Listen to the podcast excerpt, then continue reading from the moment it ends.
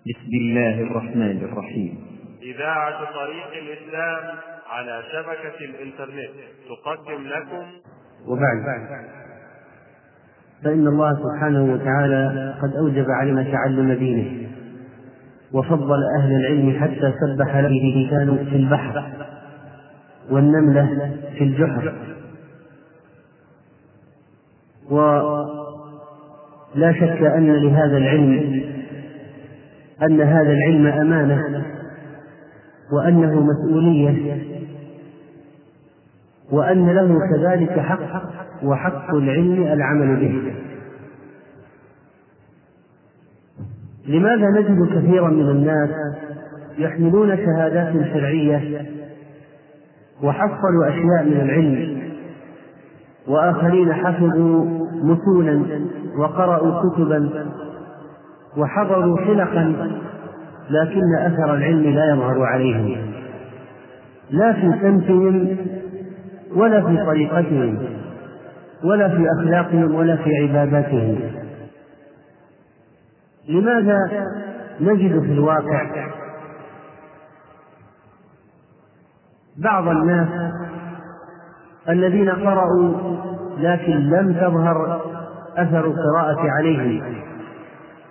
لم يظهر الانتفاع لم تظهر الثمار. بل نجد أحيانا بعض الناس وربما نجد أنفسنا في بعض المواقف نمر بالموقف ولا نعمل بالحكم الذي نعلمه في هذا الموقف. أحيانا نذهل عنه ونغفل وأحيانا نتذكره ولكننا نتقاعس ونتكاسل. إذا ما فائدة الجمع والتحصيل؟ وقد سبق الكلام في محاضرات مضت عن طالب العلم والإخلاص وطالب العلم والحماس في طلب العلم وطالب العلم والمنهج وطالب العلم والحلق والدروس وطالب العلم والحفظ وطالب العلم والقراءة والكتب ومحاضرات أخرى في موضوع طلب العلم ولكن الثمرة الحقيقية أيها الإخوة هي وأضرار ترك العمل ونبدأ من سير العلماء العاملين وكذلك بعض الوسائل المفيدة في العمل بالعلم مع ذكر بعض العوائق الموجودة التي تحول بين بعض الناس وبين العمل بالعلم وبعض الفقرات الأخرى المتعلقة بالموضوع. وقد تطرق العلماء رحمهم الله إلى هذا الموضوع في عدد من المصنفات. ولعل من أشهرهم الخطيب البغدادي رحمه الله الذي له العلم العمل فقال نشكر الله سبحانه على ما ألهمنا ونسأله التوفيق للعمل بما علمنا فإن الخير لا يدرك إلا بتوفيقه ومعونته ومن يضلل الله فلا هادي له من خليقته وصلى الله على محمد سيد الأولين والآخرين وعلى إخوانه من النبيين والمرسلين وعلى من اتبع النور الذي أنزل معه إلى يوم الدين. ثم إني موصيك يا طالب العلم بإخلاص النية في طلبه. وإجهاد النفس على العمل بموجبه. فإن العلم شجرة والعمل ثمرة وليس يعد عالما من لم يكن بعلمه عاملا. وقيل العلم والد والعمل مولود والعلم مع العمل والرواية مع الدراية. فلا تأنس بالعمل ما دمت مستوحشا من العلم ولا تأنس بالعلم ما كنت مقصرا في العمل. ولكن اجمع بينهما وإن قل نصيبك منهما. وما من شيء أضعف من عالم ترك الناس علمه لفساد طريقته. وجاهل أخذ الناس بجهله لنظرهم إلى عبادته. وفعلا هذا ما يضيع الناس. صاحب علم سيرته غير محمودة فيترك الناس علمه وإن كان صحيحا. وصاحب جهل يلبس على الناس بحسن خلق وطيبة معاملة فيأخذ الناس بكلامه وأفعاله ولو كان في ضلال على ضلال مبين. والقليل من, من هذا مع القليل من هذا أنجى في العاقبة. إذا تفضل الله بالرحمة وتمم على عبده بالنعمة فأما المدافعة والإهمال وحب الهوينة والاسترسال وإيثار الخفض والدعة والميل مع الراحة والدعة إن خواتم هذه الخصال ثمينة وعقباها كريهة وخيمة. والعلم يراد للعمل كما العمل يراد للنجاة.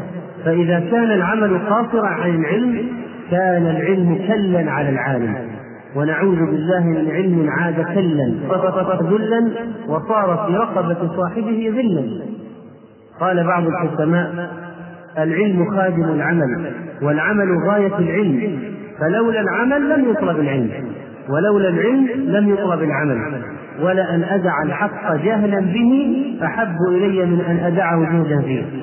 لأن الذي يترك الحق وهو يعلمه قد قامت عليه الحجة والبينة وترك العمل فيكون إثمه أكثر. والجاهل قد يكون معذورا بجهله وقد لا يكون. حسبه الله على جهله ويأتي. وهل أدرك من أدرك من السلف الماضين الدرجات العلى إلا بإخلاص المعتقد والعمل الصالح والزهد الغالب في كل ما راق من الدنيا؟ وهل وصل الحكماء إلى السعادة العظمى إلا بالتشمير في السعي والرضا بالميسور وبذل ما فضل عن الحاجة للسائل والمحروم؟ وهل جامع كتب العلم إلا كجامع الفضة والذهب؟ وهل المنهوم بها إلا كالحريق الجشع عليهما وهل المغرم بحبهما إلا ككانزهما وكما لا تنفع الأموال إلا بإنفاقها كذلك لا تنفع العلوم إلا لمن عمل بها وراعى واجباتها. فلينظر امرؤ نفسه وليغتنم وقته فإن السواء قليل المقام في هذه الدنيا قليل والرحيل قريب والطريق والطريق مخوف. والطريق مخوف والاغترار غالب والخطر والناقد بصير والله تعالى بالمرصاد وإليه المرجع والمعاد.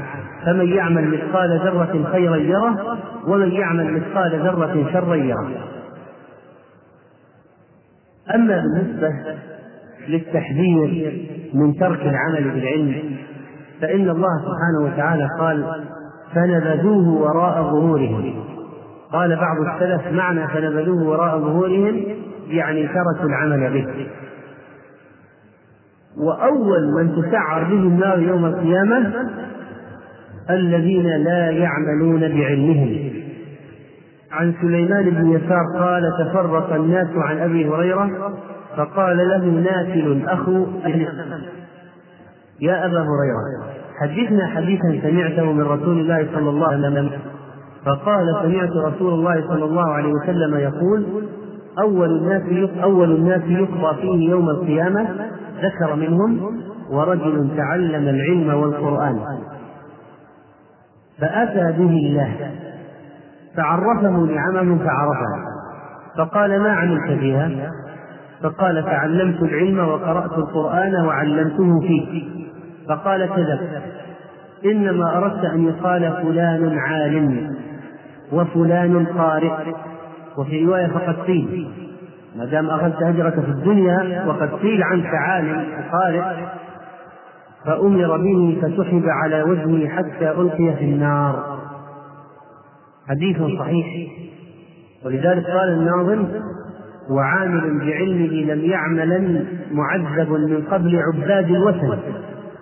فهؤلاء أول الذين تسعر بهم النار يوم القيامة. وعن أنس عن رسول الله صلى الله عليه وسلم أتيت ليلة أسري بي على قوم تفرض شفاء بمقاريض من نار كلما وفت يعني عادت كما كانت فقلت يا جبريل من هؤلاء؟ قال خطباء من أمتك الذين يقولون ولا يفعلون ويقرؤون كتاب الله ولا يعملون. ويقرؤون كتاب الله ولا يعملون. حديث حسن. وقد قال الله عز وجل معاتبا المؤمنين يا أيها الذين آمنوا لم تقولون ما لا تفعلون؟ كبر مقتا عند الله أن تقولوا ما لا تفعلون. وقد قال النبي صلى الله عليه وسلم في الحديث الصحيح أيضا لا تزول قدم عبد يوم القيامة حتى يسأل عن أربع عن عمره فيما أفناه وعن علمه ماذا عمل فيه. وعن علمه ماذا عمل فيه. وعن ماله من أين اكتسبه. وفيما أنفقه. وعن جسمه فيما أبلاه. وقال النبي صلى الله عليه وسلم يؤتى بالرجل يوم القيامة فيلقى في النار. فتنزلق أقتابه يعني أمعاؤه. فيقال أليس كنت تأمر بالمعروف وتنهى عن المنكر؟ قال كنت آمركم بالمعروف ولا أفعله وأنهاكم عن المنكر وآتيه. وعن منصور بن زادان قال نبئت أن بعض من يلقى في النار ليتأذى أهل النار بريحه فيقال له ويلك ما كنت تعمل ما يكفينا ما نحن من الشر ما نحن فيه من الشر حتى ابتلينا بك ونتن ريحك. فيقول إني كنت عالما فلم أنتفع بعلمي. وعن عبد الله بن عثيم قال سمعت ابن مسعود بدأ باليمين قبل الحديث يعني حلف قبل أن يتكلم بالكلام. فقال والله ما منكم من أحد إلا سيخلو به ربه كما يخلو أحدكم بالقمر ليلة البدر. ثم يقول يا ابن آدم ما غرك بي؟ ابن آدم ما غرك بي؟ ابن آدم ما غرك بي؟ ما عملت فيما علمت؟ ما عملت ماذا عملت فيما علمت. يا ابن آدم ماذا أجبت المرسلين؟ وقال أبو الدرداء إنما أخاف أن يكون أول ما يسألني عنه ربي أن يقول قد علمت فما عملت فيما علمت. حسن موقوف على أبي الدرداء. قد علمت. فما عملت فيما علمت. وكان بعض السلف يقول أخشى أن لا تبقى آية في كتاب الله تعالى آمرة أو زاجرة إلا جاءتني تسألني فريضتها. إلا جاءتني تسألني فريضتها. فتسألني الآمرة هل ائتمرت؟ والزاجرة هل ازدجرت؟ فأعوذ بالله من علم لا ينفع ومن نفس لا تشبع ومن دعاء لا يسمع. وقد كانت عائشة رضي الله عنها حريصة على تأصيل هذا المفهوم في نفوس بعض أهلها ومن يسألها. قضية أن أن الإنسان لا ينتقل إلى تعلم شيء جديد إلا بعد أن يعمل بما علم. لا يستكثر من المعلومات دون عمل. عن عطاء كان فتى يختلف إلى أم المؤمنين عائشة فيسألها وتحدثه. فجاءها ذات يوم يسألها فقالت يا بني هل علمت عملت بعد ما سمعت مني؟ فقال لا والله يا أمة. فقالت يا بني فبما تستكثر من حجج الله علينا وعليك؟ فبما تستكثر من حجج الله علينا وعليك. لماذا لماذا حصلت البركة أيها الإخوة؟ لماذا حصلت البركة عند الأولين؟ حصلت البركة عند الأولين لأنهم كانوا لا يتجاوزون عشر آيات حتى يعملوا بما فيها. كما سيأتينا حتى يعملوا بما فيها. وهذا العلم هذا العلم إذا لم يعمل به يذهب. ولذلك قال قال الخطيب رحمه الله أخبرنا أبو الفرج عبد الوهاب بن عبد العزيز بن الحارث بن أسد بن الليث بن سليمان بن الأسود بن سفيان بن يزيد بن أكين بن عبد الله التميمي من حفظه. قال سمعت أبي. قل سمعت أبي. قل سمعت أبي. يقول سمعت أبي. يقول سمعت أبي. يقول سمعت أبي. يقول سمعت أبي. سمعت علي بن أبي طالب يقول تسعة آباء هتف العلم بالعمل فإن أجابه وإلا ارتحل. هتف العلم بالعمل فإن أجابه وإلا ارتحل. وقالت أم الدرداء لرجل هل عملت بما علمت؟ قال لا. قالت فلم تستكثر من حجة الله عليك؟ وهذا من معنى كلام بعض السلف أنه يغفر للجاهل. يغفر الجاهل سبعون ذنبا قبل أن يغفر للعالم ذنب واحد. لأنه قد قامت عليه الحجة فلم يعمل. وذاك قد يؤاخذ بسبب جهله لكن هذا الذي علم وترك العمل. وقيل في بعض المواعظ أن الله أنزل في بعض كتبه كل الذين يتفقهون لغير الدين ويتعلمون لغير العمل الدنيا بعمل الآخرة يلبسون للناس مسوك الكباش. قلوبهم كقلوب الذئاب ألسنتهم أحلى من العسل وقلوبهم أمر من الصبر إياي يخدعون أو بي يستهزئون فبي حلفت. فبي حلفت لأتيحن لهم فتنة فهؤلاء الذين يتعلمون لغير العمل وقال أبو زيد حدثني خلاد بن يزيد الأرقص وكان أبو زيد إذا ذكر خلادا وصف جلالته ونبله قال كان من الجبال الرواسي نبلا قال خلاد أتيت سفيان بن عيينة. فقال إنما يأتي بك الجهل لا ابتغاء العلم. أنت الذي جاء بك الجهل وليس ابتغاء العلم. لو اقتصر جيرانك على علمك كفاهم. ثم كوم كومة من بطحاء من حصى. كوم كوم من حصى. ثم شقها بأصبعه ثم قال هذا العلم أخذت نصفه. هل استعملته؟ فإذا صدقت قلت لا. فيقال لك ما حاجتك إلى ما تزيد به نفسك وكرا على وكر استعمل ما أخذت أولا. فإذا الإنسان لا ينهى عن التعلم. الإنسان لا ينهى عن التعلم والازدياد من العلم لكن ينهى عن ترك العمل بالعلم. فإذا علم شيئا سعى إلى تطبيقه وتنفيذه. وهذه سمات المخلصين الصادقين. أما التحذير من رفع العلم الذي لا يكون إلا بترك العمل من أسباب ترك من أسباب رفع العلم ترك العمل. ترك العمل شيء. عن عوف بن مالك الأشجعي أن رسول الله صلى الله عليه وسلم نظر إلى السماء يوما فقال هذا أوان يرفع العلم. هذا أوان يرفع العلم. فقال له رجل من الأنصار قال له زياد بن نبي يا رسول الله يرفع العلم وقد أثبت ووعته القلوب؟ فقال له رسول الله صلى الله عليه وسلم إن كنت أفقه من دينك ثم ذكر ضلالة اليهود والنصارى على ما في أيديهم من كتاب الله. من أسباب التحريف الذي أصابهم ورفع العلم من بين أظهرهم أنهم لم يعملوا بما علموا وبما آتاهم الله. ثم ذكر ضلالة اليهود والنصارى على ما في أيديهم من كتاب الله. فلقيت شداد بن أوس فحدثته بحديث عوف بن مالك فقال صدق عوف ألا أخبرك بأول ذلك يرفع؟ قلت بلى. قال الخشوع حتى لا ترى خاشعة. فإذا من ضمن الأشياء التي ترفع العلم وبعضه الذي يقر في القلب يرفع بسبب ترك العمل به.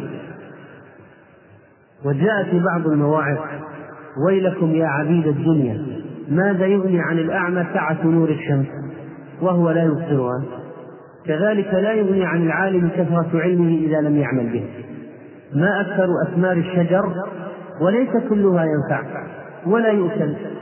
وما أكثر العلماء؟ وليس كلكم ينتفع بما علم. فاحتفظوا يعني انتبهوا من العلماء الكذبة الذين عليهم لباس الصوف منكسين رؤوسهم إلى الأرض. قولهم مخالف لفعلهم. متى يجتنى من الشوك العنب ومن الحنظل التين كذلك لا يثمر قول العالم الكذاب إلا زورا. إن البعير إذا لم يوثقه صاحبه في البرية لم يوثقه يربطه صاحبه في البرية نزع إلى وطنه وأصله رجع وذهب. وإن العلم إذا لم يعمل به صاحبه خرج من قبره وتخلى منه وعطله. وإن لا يصلح إلا بالماء والتراب. وكذلك لا يصلح الإيمان إلا بالعلم والعمل. ويلكم يا عبيد الدنيا إن لكل شيء علامة يعرف بها وتشهد له أو عليه. وإن للدين ثلاث علامات يعرف بهن الإيمان والعلم والعمل. وقال الرجل لإبراهيم بن أدهم إن الله تعالى يقول ادعوني أستجب لكم فما بالنا ندعو فلا يستجاب لنا. فقال له إبراهيم من أجل خمسة أشياء. قال وما هي؟ قال عرفتم الله فلم تؤدوا حقه. وقرأتم القرآن فلم تعملوا بما فيه. وقلتم نحب الرسول صلى الله عليه وسلم وتركتم سنته. وقلتم نعم وأطعتموه والخامسة تركتم عيوبكم وأخذتم في عيوب الناس. مثل العالم بغير أحمد يقول النبي صلى الله عليه وسلم في هذا مثل العالم الذي يعلم الناس الخير وينسى نفسه كمثل السراج يضيء للناس ويحرق نفسه. هذه الفتيلة هذا المصباح الذي فيه هذا النور الذي في المصباح مثل العالم الذي يعلم الناس الخير وينسى نفسه كمثل السراج يضيء للناس ويحرق نفسه. حديث صحيح.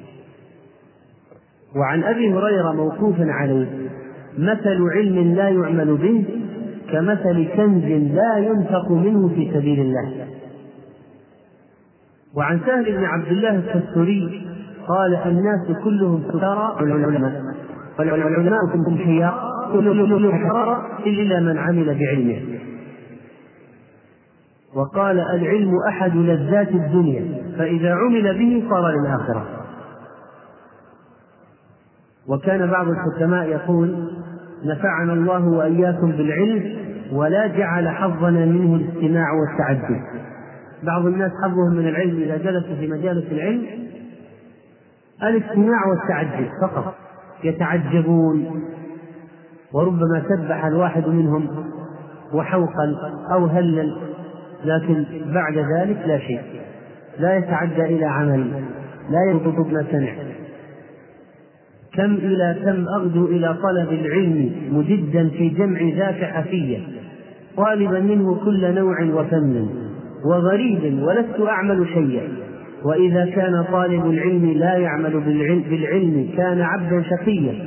إنما تنفع العلوم لمن كان بها عاملا وكان تقيا وقال حفص بن حميد دخلت على داود الطائي أسأله مسألة وكان كريما. فقال أرأيت المحارب؟ هذه كلها صور للعلم الذي بلا عمل. ما مثل العلم بلا عمل؟ قال أرأيت المحارب إذا أراد أن يلقى الحرب. أليس يجمع آلته؟ فإذا أفنى عمره في الآلة فمتى يحارب؟ إن العلم آلة العمل. فإذا أفنى عمره في جمعه فمتى يعمل؟ فإذا الذين يحصلون ويقرؤون ويحفظون ويجمعون ثم لا يعملون. كمثل المقاتل يجمع للحرب ثم لا يحارب والذي لا يعمل موعظته لا تؤثر في الناس. قال الأصمعي سمعت أعرابيا يقول إذا دخلت الموعظة الجاهل مرقت من الأذن الأخرى. الذي يعمل لا تؤثر فيه الموعظة. الذي لا يعمل الذي لا يعمل لا تؤثر فيه الموعظة. ولذلك يستمع يسمع الكلام ويأخذ من الأذن الأخرى. قال الحسن لا ينتفع بالموعظة من تمر على أذنيه صفحا. كما أن المطر إذا وقع في أرض سبخة لم تنبت. والعلم ليس بنافع أربابه ما لم يفد عملا وحسن تبصر سيان عندي من لم يستفد عملا به وصلاة من لم يطهر فاعمل بعلمك توف نفسك وزنها لا ترضى بالتضييع وزن المخسر. الذي يصلي بغير وضوء كذلك الذي يتعلم بلا عمل. وعن مطر قال خير العمل ما نفع وإنما ينفع الله بالعلم من عمله ثم عمل به ولا ينفع به من علمه ثم تركه. وقال عبد الله بن المعتز علم بلا عمل كشجرة بلا ثمرة. علم المنافق في قوله وعلم المؤمن في عمله وقال الخواص ليس العلم بكثرة الرواية وإنما العلم من اتبع العلم واستعمله واقتدى بالسنن وإن كان قليل العلم. وهذا ما يفسر لنا لماذا يكون بعض الناس مؤثرين ويهتدي على أيديهم أشخاص وعلمهم أقل من علم أناس آخرين. أناس آخرين عندهم علم كثير لكن لا يتأثر الناس من كلامهم ولا يتبعونهم ولا تنفتح لهم مغاليق القلوب بسبب أنهم لا يعملون بالعلم. هذا عنده علم قليل وعمل فيؤثر. وله إلى عمل فماذا يؤثر؟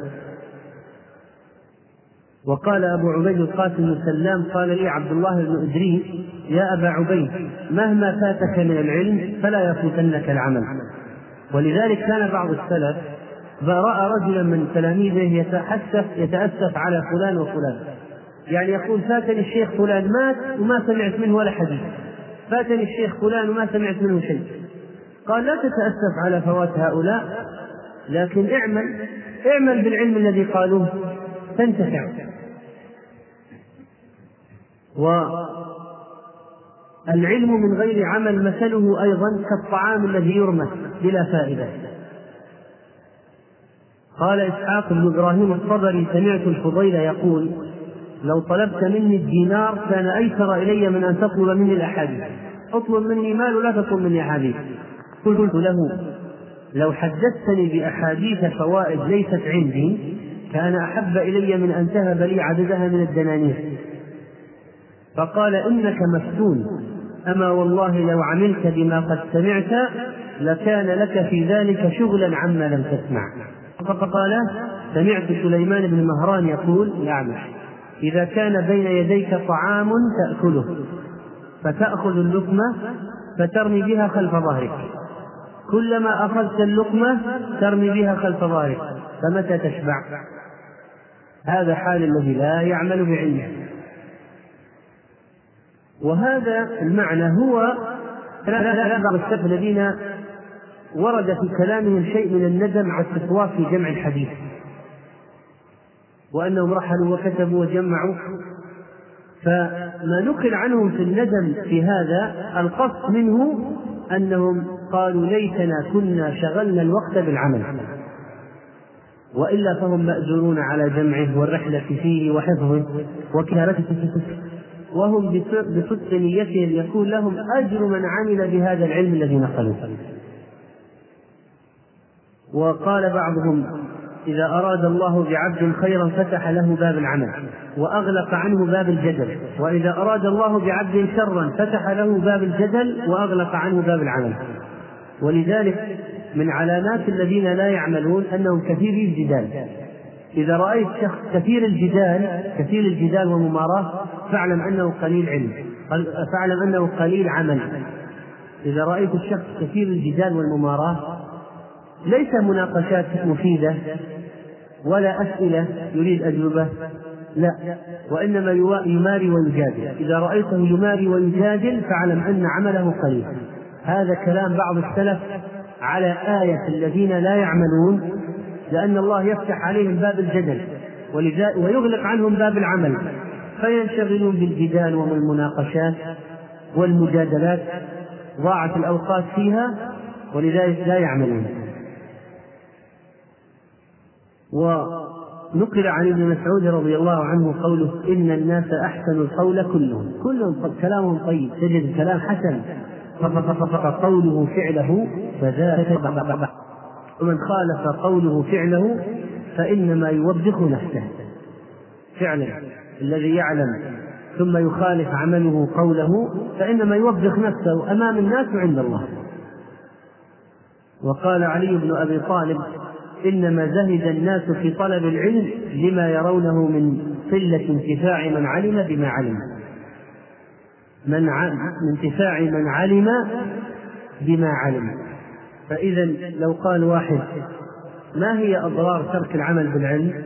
نقول من أضرار ترك العمل بالعلم صد الناس عن تعلم العلم، لأن الناس يقولون هذا ما الله كم يحفظ؟ وكم عنده؟ لكن شوف أخلاقه سيئة وتعامله سيء ويتأخر عن الصلاة ونحو ذلك. فإذا لماذا نتعلم؟ إذا كان هؤلاء الذين يتعلمون هذا مصيرهم رأينا تجارب ونماذج من الذين تعلموا. فلماذا نتعلم؟ فإذا الذي لا يعمل بالعلم يصد غيره عن التعلم. هذا معنى كلام علي بن أبي طالب رضي الله عنه إنما زهد الناس في طلب العلم لما يرونه من قلة انتفاع من علم بما علم. وكذلك فإن الإنسان إذا لم يعمل بعلمه صار قدوة سيئة. فينبغي على طالب العلم أن لا يقول ما لا يفعل. يجتنب أن يقول ما لا يفعل أو يأمر بما لا يأتمر أو يسر غير ما يظهر. قال الماوردي رحمه الله في كتابه الدنيا والدين في هذا الفصل ولا يجعل قول الشاعر اعمل بقولي وإن قصرت في عملي ينفعك قولي ولا يضرك تقصيري. يقول لا تجعل هذه المقولة عذرا للتقصير. لا يجعل قول الشاعر اعمل بقولي.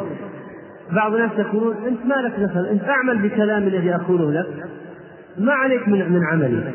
بعض بعض الناس أو بعض طلبة العلم ربما يقول للعامة أو يقول لشخص اعمل بقولي اعمل بكلام الذي سأقول لك. ما عليك من عملي أنا ما عليك من سيرتي.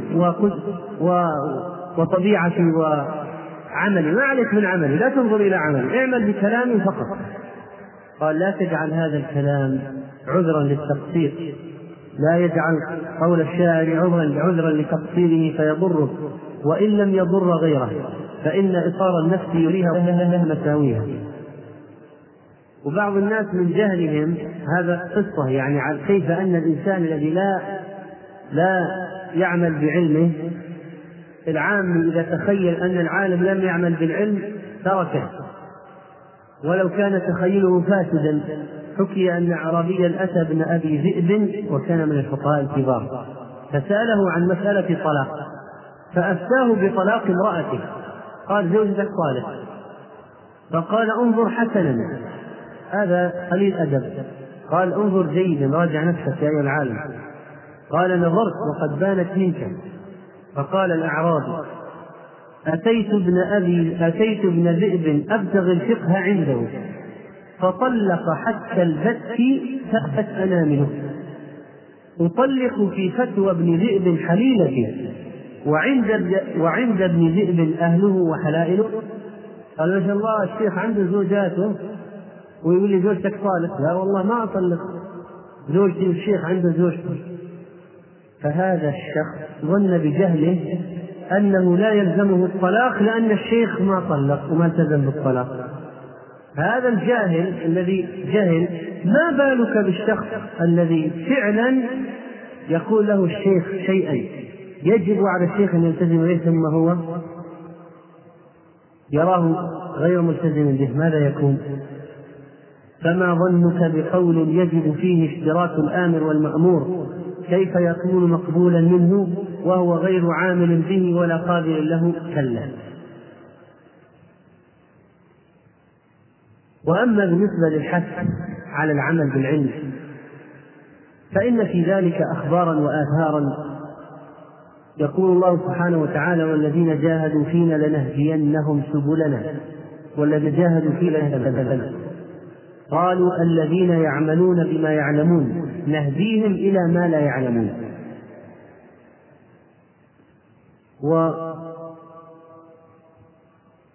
وقال الماوردي رحمه الله وليكن من شيمته العمل بعلمه وحث النفس على أن تأتمر بما يأمر به بما يأمر به.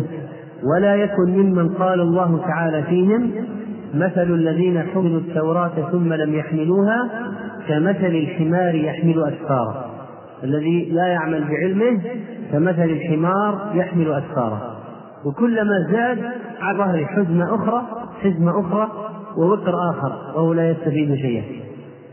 وقال قتادة في قوله تعالى وإنه لذو علم لما علمناه. وإنه لذو علم لما علمناه. قال إنه العامل بما علم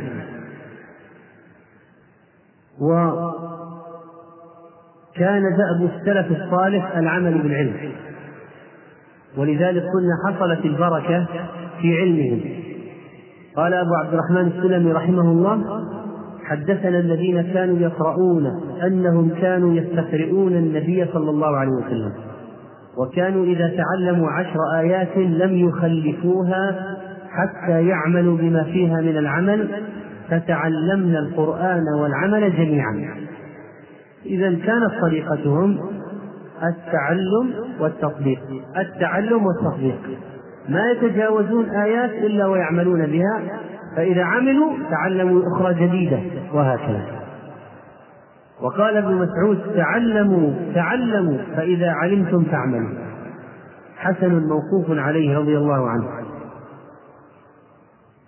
وعن مصرف بن عبد الله بن الشخير أنه قال يا إخوتي في العمل.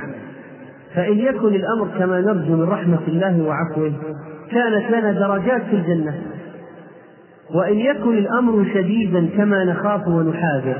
يعني لو عملنا ثم ظهرت النتيجة يوم القيامة وبال لم نقل ربنا أخرجنا نعمل صالحا غير الذي كنا نعمل. إذا كان عملنا إذا جاءت سليمة الحمد لله.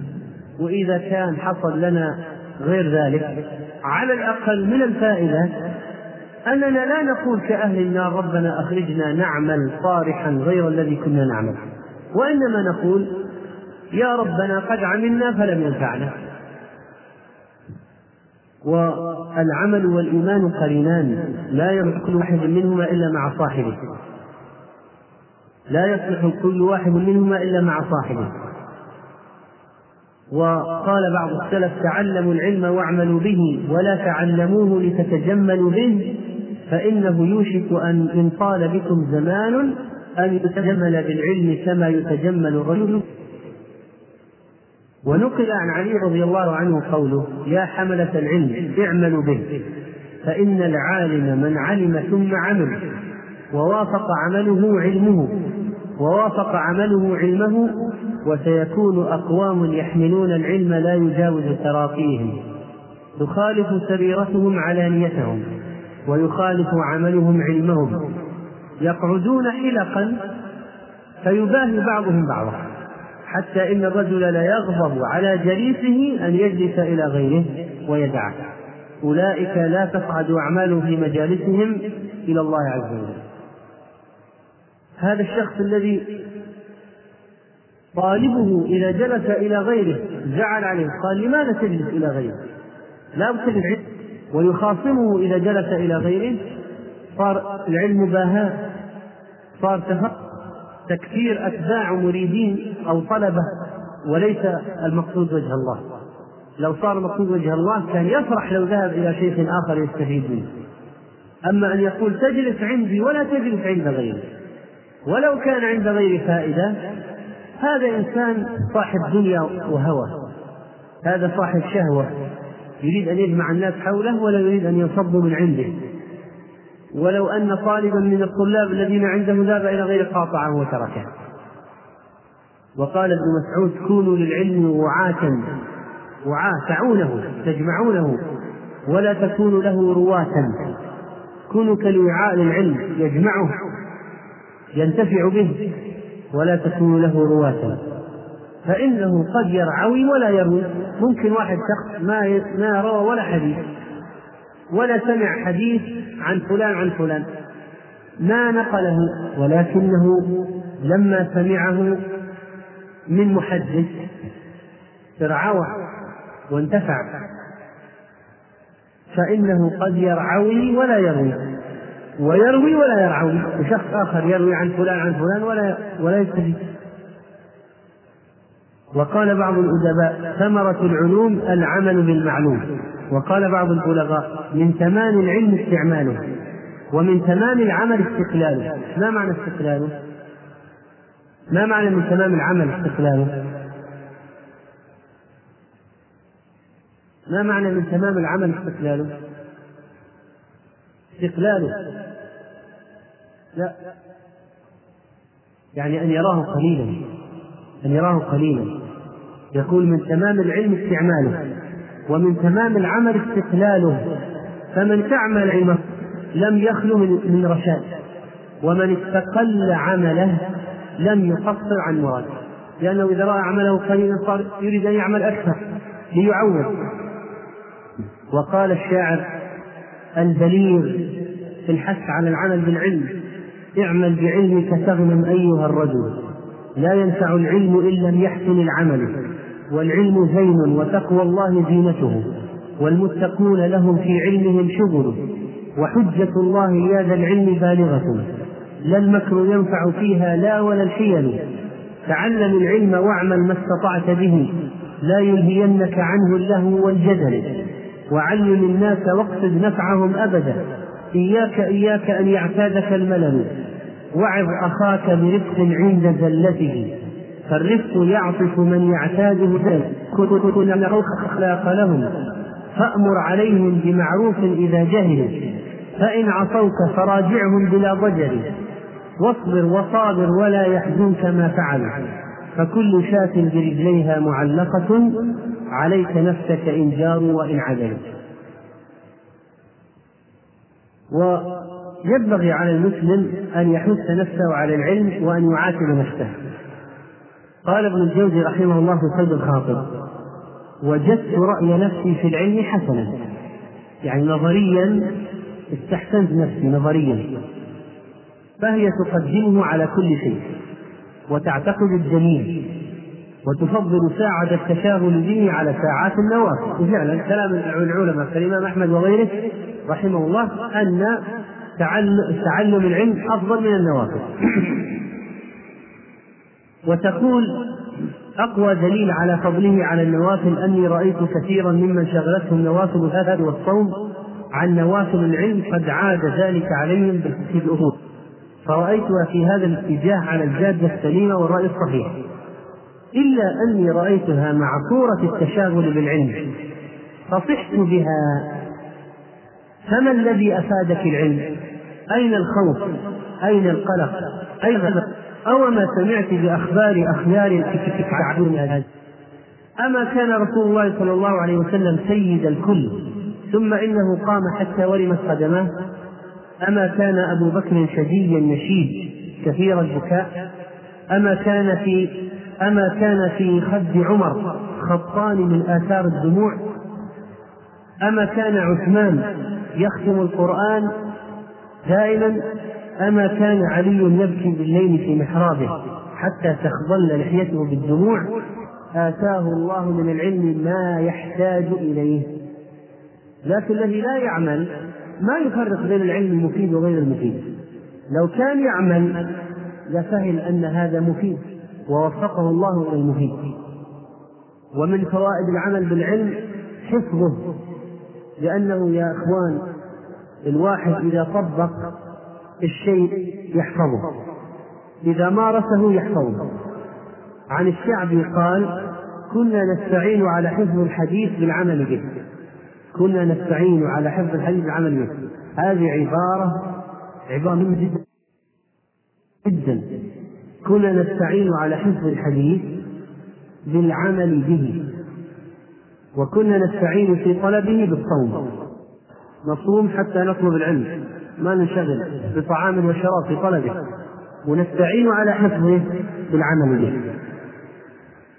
وكذلك من فوائد العلم أن الإنسان من فوائد العمل بالعلم أن يقي الإنسان الطغيان. قال يوسف بن الحسين في الدنيا طغيانان طغيان العلم وطغيان المال. والذي ينجيك من طغيان العلم العبادة. والذي ينجيك من طغيان المال الزهد فيه. ومن فائدة العلم العمل بالعلم كذلك النجاة يوم القيامة أن يرى الإنسان الأعمال الصالحة. الثمرات يوم القيامة. عن الحسن قال ليس الإيمان بالتحلي ولا بالتمني. ولكن ما وقر في القلب وصدقته الأعمال.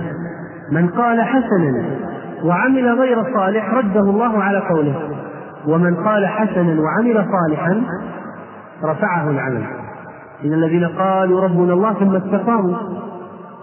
وذلك بأن الله تعالى يقول إليه يصعد الكلم الطيب والعمل الصالح يرفعه.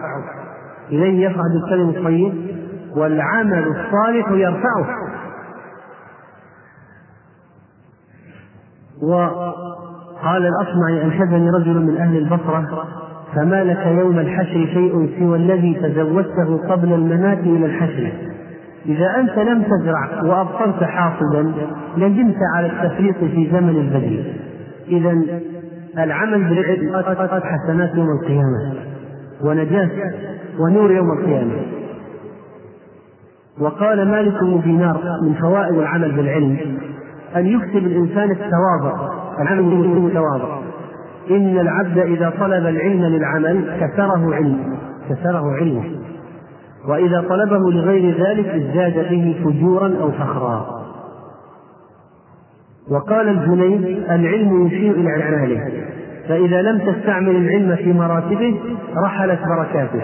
إذا العمل بالعلم يجلب البركة. هذه من الفوائد. العمل بالعلم يجلب البركة. وكذلك من فوائد العمل بالعلم أن الداعي العامل بعلمه يكون مؤثر في الناس. مؤثر في الناس. كلماته مؤثرة في الناس. قال زياد بن أبي سفيان إذا خرج الكلام من القلب وقع في القلب وإذا خرج من اللسان لم يجاوز الآذان. وكان الثوار يقول في قلبي يقرع القلب وكلام اللسان يمر على القلب صفحة. فإذا الإنسان متى يقع كلامه في قلوب الآخرين؟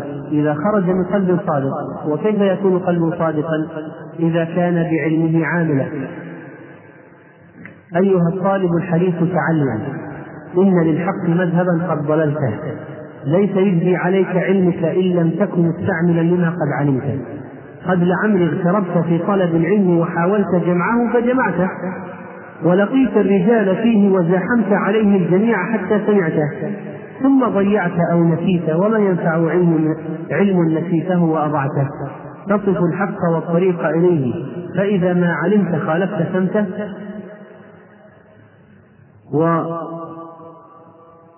ابن الجوزي رحمه الله في ذكر فائدة في العمل بالعلم.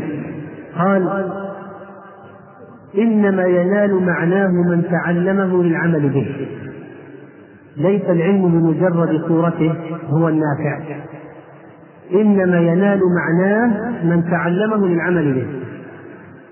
كثير أحيانا تصحيح أو آية أو كلام أو حكم شرعي لكن عند تطبيقه يفهمه. وقبل أن يطبقه لم يكن يفهمه. كثير من الأحيان نحن نسمع كلام ونحفظ حكم أو شيء. لكن إذا طبقناه فهمنا منه معنى ما كنا نفهمه.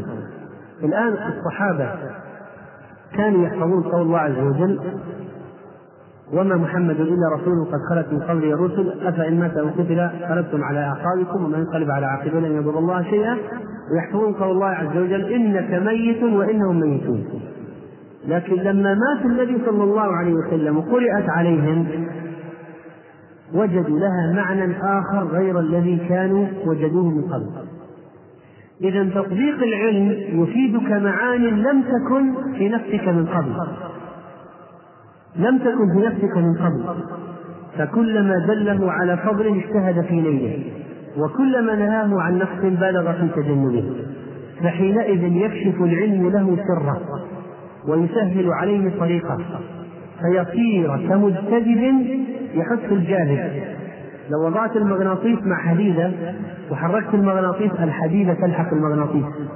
العامل بالعلم يسهل عليه الطريق والعلم يأتي إليه تباعا يأتي إليه تباعا بسهولة مثل المغناطيس الذي يجذب الحديد. فإذا حركه عجل في سيره والذي لا يعمل بالعلم لا يطلعه العلم على غوره. ولا يكشف له عن سر فيكون كمجذوب لجاذب جاذبه. فالقضية في صراع ولكن ليس فيها يسر وسهولة فافهم هذا المثل وحسن قصدك وإلا فلا تتعب طيب الخاطر. فإن تتبع سيرة العلماء الربانيين من الأمور المهمة الذين كانوا يعملون بالعلم. العاملون العلماء العاملون. هذه مهمة جدا في اكتساب العمل بالعلم تتبع سير العلماء العاملين. قال الثوري رحمه الله العلماء إذا علموا عملوا إذا علموا عملوا. فإذا عملوا شغلوا شغلوا بهذا العمل. فإذا شغلوا فقدوا. ما رآهم الناس؟ فإذا فقدوا طلبوا بحث الناس عنهم وسألوا ودقوا الأبواب. فإذا طلبوا هربوا. إخلاصا لله عز وجل. العلماء إذا علموا عملوا. فإذا عملوا شغلوا. فإذا شغلوا فقدوا. فإذا فقدوا طلبوا. فإذا طلبوا هربوا. وعن الحسن قال اعتبروا الناس بأعمالهم ودعوا أقوالهم فإن الله لم يدع قولا إلا جعل عليه جليلا من عمل يصدقه أو يكذبه. فإذا سمعت قولا حسنا فروينا لصاحبه. فإن وافق قوله عمله فنعم ونعمة عين. و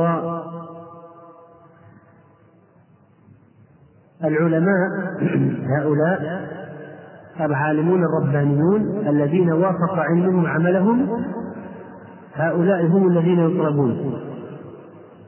وينبغي على الإنسان إذا فاق الناس بالعلم أن يفوقهم بالعمل كما قال الحسن الذي يفوق الناس في العلم جدير أن يفوقهم في العمل.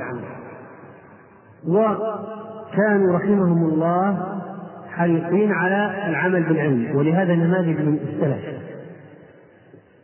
فمثلا النبي صلى الله عليه وسلم قال نعم رجل يقوم من الليل. قال نافع فلم ينم عبد الله بعدها من الليل إلا قليلا. يعني بمجرد علمه سار على التطبيق والتطبيق يأخذ وقت طويل إلى آخر العمر. حكيم بن حزام بن حزام رضي الله عنه لما وعظه النبي عليه الصلاة والسلام في المسألة أن لا يسأل أحدا شيئا قال لا أرز لا أرزأ بعدك أحدا لا أسأل بعدك أحدا. وظل إلى آخر عمره حتى كان يأتي يأتيه من بيت المال من الخليفة العطاء يتركه ولا يأخذه. حتى أن الخليفة يشهد الناس يقول أشهدكم هذا عطاء حكيم وهو لا أعطيه إياه فلا يأخذه. علي بن أبي طالب رضي الله عنه أذكار النوم كان يحافظ عليها. حتى في مواقف الفزع والخوف لما سئل في الفكين فكين معركة فكين قال لم أدعه ولا يوم الفكين. لم أدعه ولا يوم الفكين وعبد الله بن عمر سمع عائشة تتكلم عن أجر اتباع الجنائز والصلاة عليها وكان عمر بن عمر رضي الله عنه ينفي أن يكون له قيراطان للذي يتبع الجنائز ويصلي عليها. فلما سمع أن عائشة تقر ذلك وتثبته عن النبي عليه الصلاة والسلام قال لقد فرطنا في قراريط كثيرة. يعني يتحسف على أشياء ما عملها من العلم. فاتتنا. ومن عجائب الإمام أحمد رحمه الله أنه كان بعض المصنفين لا يضع حديثا في كتابه إلا ويعمل به. ولو مرة. ولو مرة.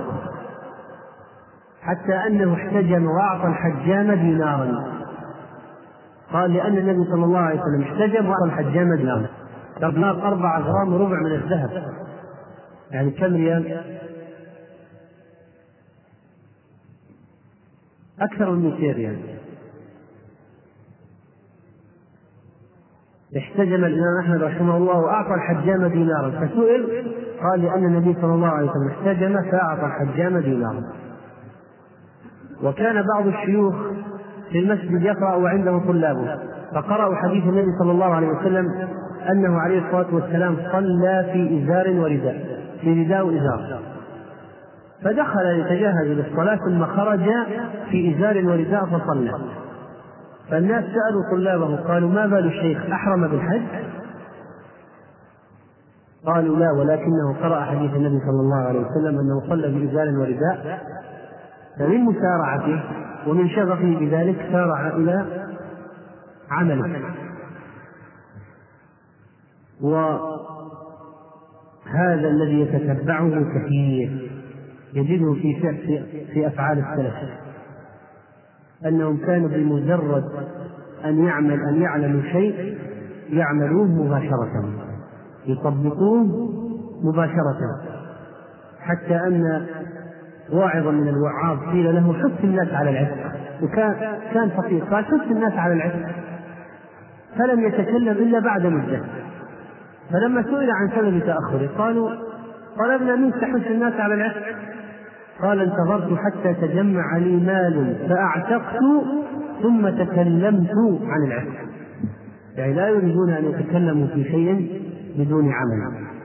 رحمهم الله تعالى. هذا طرف من حال العلماء العاملين. نسأل الله سبحانه وتعالى أن يجعلنا ممن يسير على يهديهم وبمناسبة ذكر العلماء العاملين ومنابرة. يقول ابن الجوزي رحمه الله كلاما في هذا يقول تأملت الأرض ومن عليها بعين فكري فرأيت خرابها أكثر من عمرانها. يعني الأماكن المعمرة أقل من الأماكن التي بدون عمران. ثم نظرت إلى المعمور منها فوجدت الكافرين مستولين على أكثره ووجدت أهل الإسلام في الأرض قليلا. ثم تأملت المسلمين فرأيت الأكتاب قد شغلت جمهورهم عن الرزق وأعرضت بهم عن العلم الدال عليه المسلمون منشغلون بالمال وجمع الأموال والمعيشة عن العلم. ثم بدأ يصنف ما أرى قال فالسلطان مشغول بالأمر والنهي واللذات العارضة له ومياه أغراضه جارية لا شكر لها. ولا يتلقاه أحد بموعظة بل من المدحة التي تقوي عنده هوى النفس وإنما ينبغي أن تقاوم تقاوم الأمراض بأضدادها. كما قال عمر بن المهاجر قال لي عمر بن عبد العزيز إذا رأيتني قد شدت عن الحق فخذ بثيابي وهزني وقل ما لك يا عمر؟ وقال ابن الخطاب رضي الله عنه رحم الله من أهدى إلينا عيوبا. فأحوج الخلق إلى النصائح السلطان. وأما جنوده فجمهورهم في سكن الهوى وزينة الدنيا وقد انضاف إلى ذلك الجهل وعدم العلم فلا يؤلمهم ذنب ولا ينزعجون من لبس الحرير أو شرب الخمر حتى ربما قال بعضهم إيش يعمل الجندي؟ أيلبس القطن؟ ثم أخذهم للأشياء من غير وجهها فالظلم معهم كالطبع والروادي قد غمره الجهل وكذا أهل القرى وأكثر ما أكثر تقلبهم في الأنجاس ما أكثر تقلبهم في الأنجاس وتهوينهم لأمر الصلوات وربما صلت المرأة منهم قاعدة يعني هذا من الأشياء عند البادية من الجهل تصلي المرأة قاعدة ثم نظرت للتجار فرأيتهم قد غلب عليهم الحرص حتى لا يرون سوى وجوه الكسب كيف كانت. وصار الربا في معاملتهم فاشيا فلا يبالي أحدهم من أين من أين تحصل له الدنيا. وهم في باب الزكاة مفرطون ولا يستوحشون من تركها إلا من عصم الله. ثم نظرت في أرباب المعاش فوجدت الغش في معاملاتهم عاما والتطفيف والنجش وهم مع هذا مغمورون بالجهل. ورأيت عامة من له ولد يشغله ببعض هذه الأشغال طلبا للكسب قبل أن يعرف ما يجب عليه وما يتأدب به. ثم نظرت في النساء فوجدتهن قليلات الدين قليلات الدين عظيمات الجهل ما عندهن من الآخرة خبر إلا من عصم الله. فقلت وعجبا فمن بقي لخدمة الله عز وجل ومعرفته؟ فنظرت فإذا العلماء والمتعلمون والعباد والمتزهدون. فتأملت العباد والمتزهدين فإذا جمهورهم يتعبد بغير علم ويأنس إلى تعظيمه وتقبيل يده وكثرة أتباعه حتى أن أحدهم لو اضطر أن يشتري حاجة من السوق لم يفعل لئلا ينكسر جاهه إيش يقول عن الشيخ في السوق يشتري؟ ثم تترقى بهم رتبة الناموس إلى أن لا يعود مريضا ولا يحج نفسا هؤلاء مشايخ الصوفية وغيرهم يرون أنهم لو ذهبوا لعيادة مريض بعد الجنازة أنهم قد حطوا من قدرهم. إلا أن يكون يعني المريض أو الميت عظيم القدر عندهم. ولا يتزاورون بل ربما ظن بعضهم على بعض بلقاء. فقد صارت النواميس يعني التقاليد المتبعة عند هؤلاء المتزهدين والمتضوجين صارت النواميس كالأوثان يعبدونها ولا يعلمون. وفيهم من يقدم على الفتوى بجهل لئلا يخل بناموس التصدق.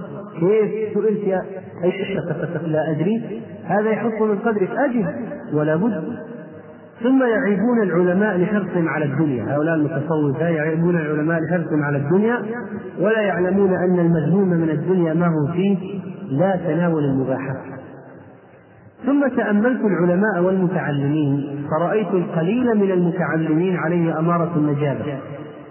لأن أمارة النجابة طلب العلم العمل به وجمهورهم يطلب منه ما يصيره شبكة للتكسب. إما ليأخذ به القضاء. لماذا يدرسون العلم الشرعي؟ ليصبح قاضي. أو ليصير به قاضي بلد. أو قدر ما يتميز به عن أبناء جنسه ثم يكتفي. وهذا الكلام يصلح أن يطبق اليوم بالدقة. ويقال كثير من هؤلاء الذين يدرسون العلوم الشرعية تجد بعضهم يمثل الوظيفة. مدرس أو قاضي ونحوه. أو أن يتفوق. يقال دكتور فلان. ثم يكتفي. لاحظ كلامه رحمه الله أو قدر ما يتميز به عن أبناء جنسه ثم يكتفي. يودع العلم بعد رسالة الدكتوراه يودع العلم. هؤلاء المتعلمون ثم تأملت العلماء فرأيت أكثرهم يتلاعب به الهوى فهو يؤثر ما يقضيه العلم عنه ويقبل على ما ينهاه عنه ولا يكاد يجد ذوق معاملة لله سبحانه وإنما همته إلا أن الله لا يخلي الأرض من قائم له بحجة جامع بين العلم والعمل عارف بحقوق الله خائفا منه فذلك قطب الدنيا ومتى مات أخلف الله عوضه. وربما ومثل هذا لا تخلو الأرض منه فهو بمقام النبي في الأمة. وهذا الذي أصفه يكون قائما بالأصول حافظا للحدود وربما قل علمه أو قلت معاملته. فأما الكاملون في جميع الأدوات فينزل وجودهم. فيكون في الزمان البعيد منهم واحد. ولقد كبرت السلف كلهم. فأردت أن أستخرج منهم من جمع بين العلم حتى صار من المجتهدين وبين العمل حتى صار قدوة للعابدين فلم أرى أكثر من ثلاثة. أولهم الحسن البصري وثانيهم سفيان الثوري وثالثهم أحمد بن حنبل. وقد أخرجت أخبار كل واحد منهم في كتاب وما أنكر على من ربعهم بسعيد بن المسيب. العلماء العاملون هؤلاء عملة نادرة. إذا كان ذلك في القديم فكيف في الحديث؟ فكيف في العصر هذا؟ وهنا نأتي إلى مسألة أو شبهة. هل نترك العلم لأجل العمل أو العكس إذا قال قائل هل نترك العلم لأجل العمل؟ نقول لابد أن نعبد نصلي ونذكر ونتلو ونحج ونعتمر ونصل ونبر ونتصدق ونتعامل بالمعروف. هل نترك العلم لأجل العمل؟ أما الانقطاع عن العلم إلى العمل والانقطاع عن العمل إلى العلم إلى أن فقد حكي عن الزهري فيه ما يغني عن تكلف غيره وهو أنه قال. العلم أفضل من العمل به لمن جهل. والعمل أفضل من نعيد مقولة الزهري مرة أخرى. العلم أفضل من العمل به لمن جهل. والعمل أفضل من العلم لمن علم. هب أن الإنسان يريد أن يحج ولا يعلم الحج. ما هو الأفضل له؟ أن يتعلم الحج أولا. يريد أن يبيع ويشتري ولا يعرف أحكام البيع والشراء فهو يتعلم أولا. وهكذا أحكام الصلاة والطهارة وغيرها. وأما فضل ما بين العلم والعمل إن إذا لم يخل بواجب ولم يقصر في فرض فإن الإنسان عند ذلك يعمل. إذا علم يعمل. فإذا احتاج العلم تعلم ولو لإفادة غيره يتعلم لإفادة غيره.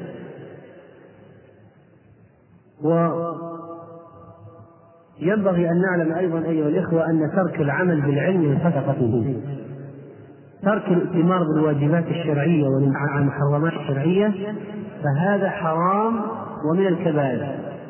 يعني إذا وصل بالإنسان ترك العمل أنه ترك الواجبات وقع في المحرمات فلا شك أن هذا من الكبائر. وعليه تحمل الآيات والأحاديث المتوعدة من ترك العمل بالعلم. مثل الذين حملوا التوراة ثم لم يحملوها كمثل الحمار يحمل أسفار ومن الترك من أقسام ترك العمل ترك المستحبات وترك اجتناب المكروهات. فهذا قد يذم لكنه لا يدخل في أحاديث الوعيد إلا أن العالم وطالب العلم ينبغي لهما المحافظة على السنن واجتناب المكروهات. واجتناب المكروهات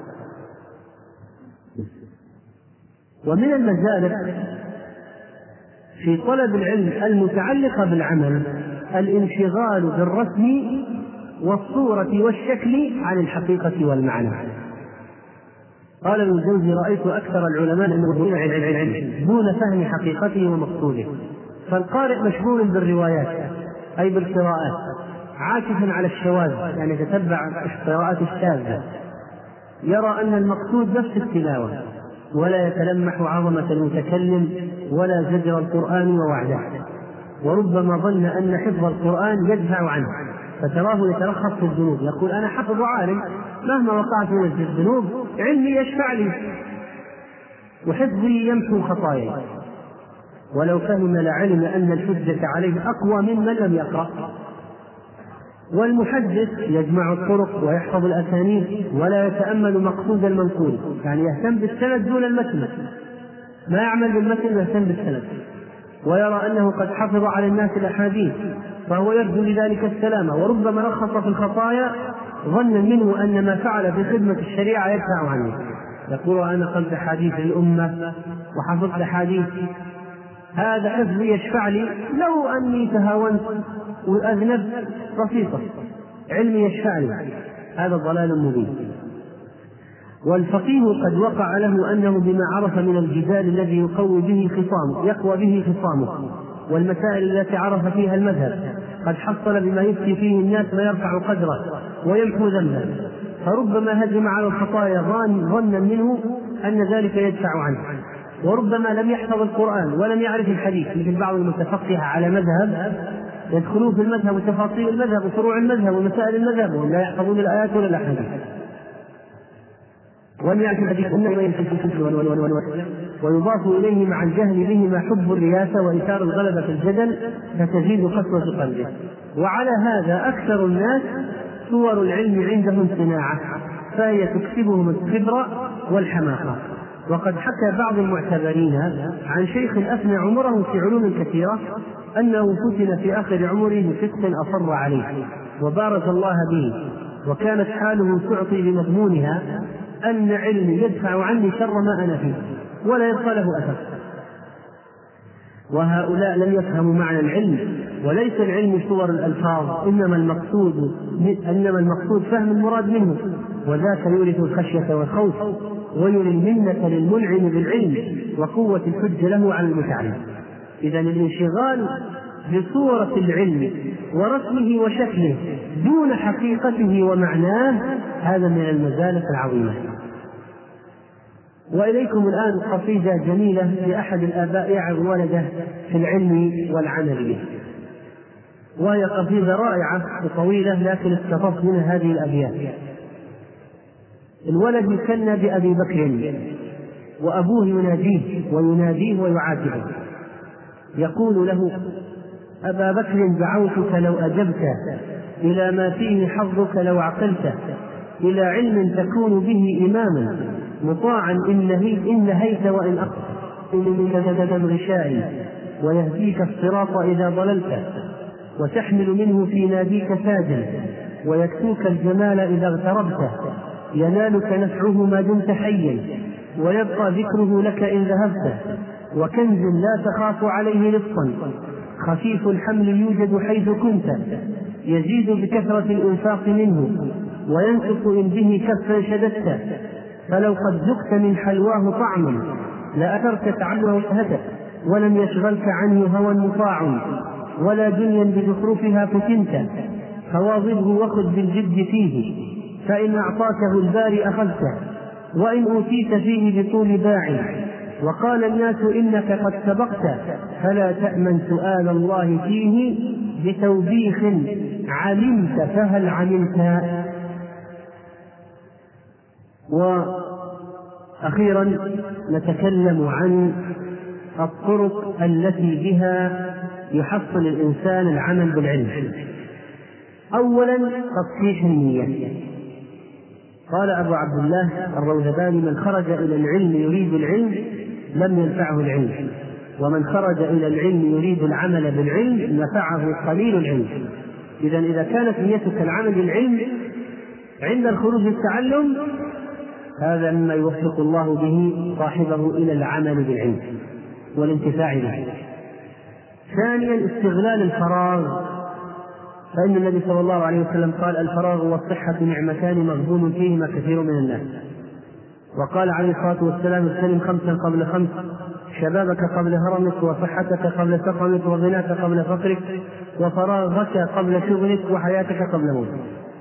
اغتنم بالعلم والتعلم. وقال الأعمش سمعتم يذكرون أن شريح رأى جيرانا له يجولون يتجولون ويتروحون فقال ما لكم؟ قالوا فرغنا اليوم. اليوم عندنا فراغ وعطلة. قال وبهذا أمر الفارغ. أمر الفارغ بأن يذهب ويضيع وقته سدى وكذلك من وسائل العلم العمل.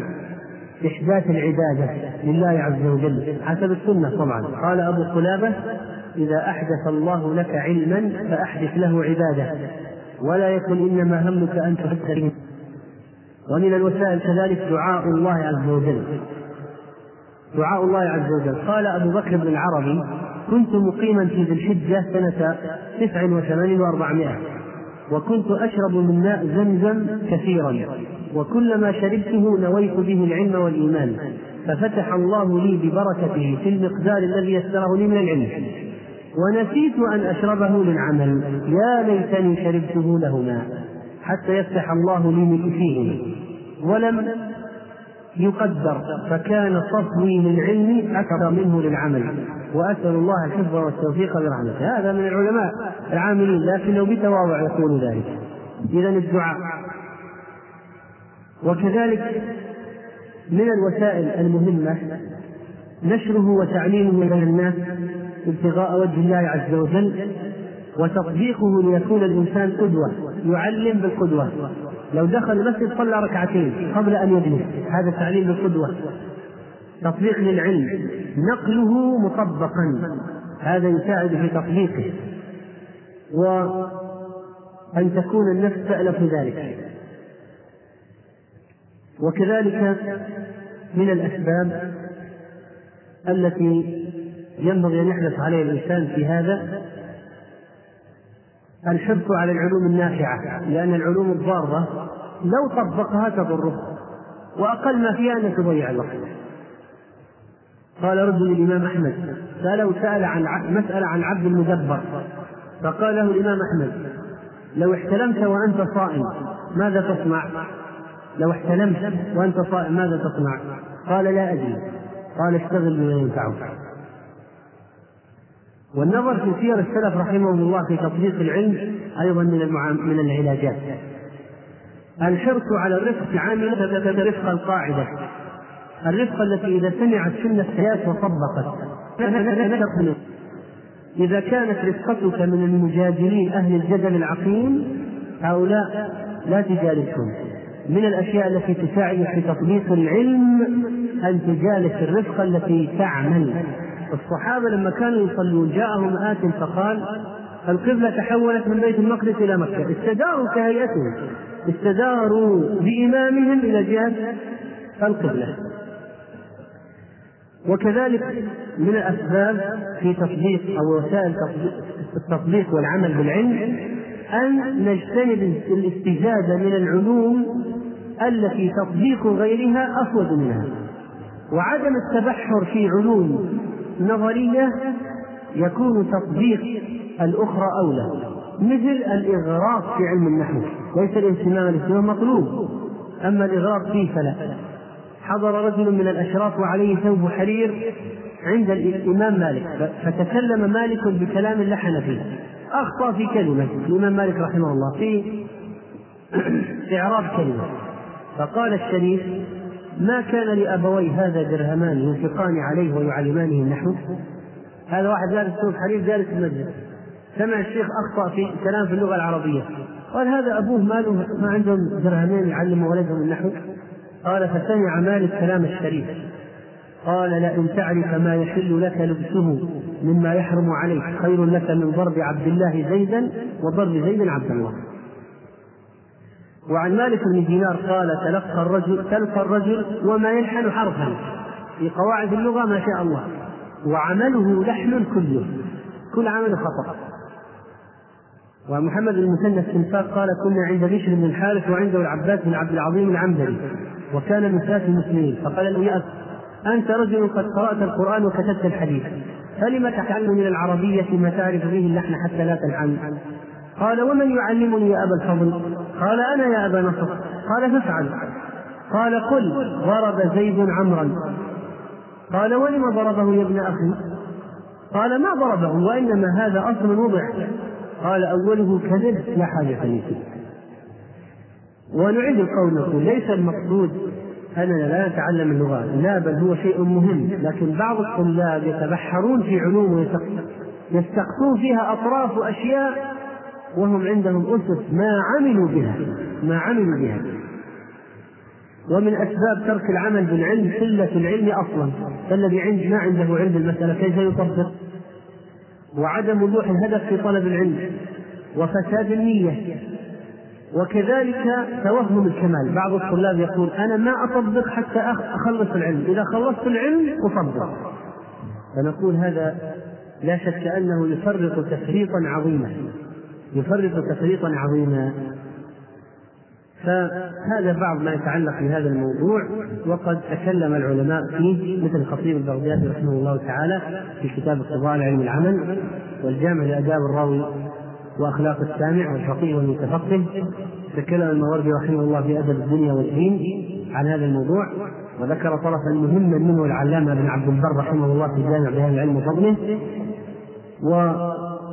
وتكلم أو كذلك ذكره أيضا جماعة المصنفين في نسخ من كتبهم من كتبهم جمعتها لكم في هذا الدرس الذي أسأل الله سبحانه وتعالى أن نخرج منه ونحن بعزيمة على التطبيق وأن نحاول كل ما سمعت كل ما سمعت سنة طبق لو سمعت أن من السنة إخراج نوى التمر على كف على ظهر الإبل طبق مباشرة. لو وضعوا لك طبقة من التمر أخرج النوى على كف ظهرك اليسرى.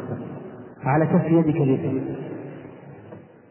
وإذا كان طالب العلم كل ما يسمع شيء يسعى لتصديقه فإنه بذلك يحصل كثيرا من العلم العاملين به وأن يتوب علينا أجمعين وأن يشملنا برحمته وعفوه إنه هو التواب الرحيم. والله تعالى أعلم وصلى الله وسلم على نبينا محمد وعلى آله وصحبه أجمعين.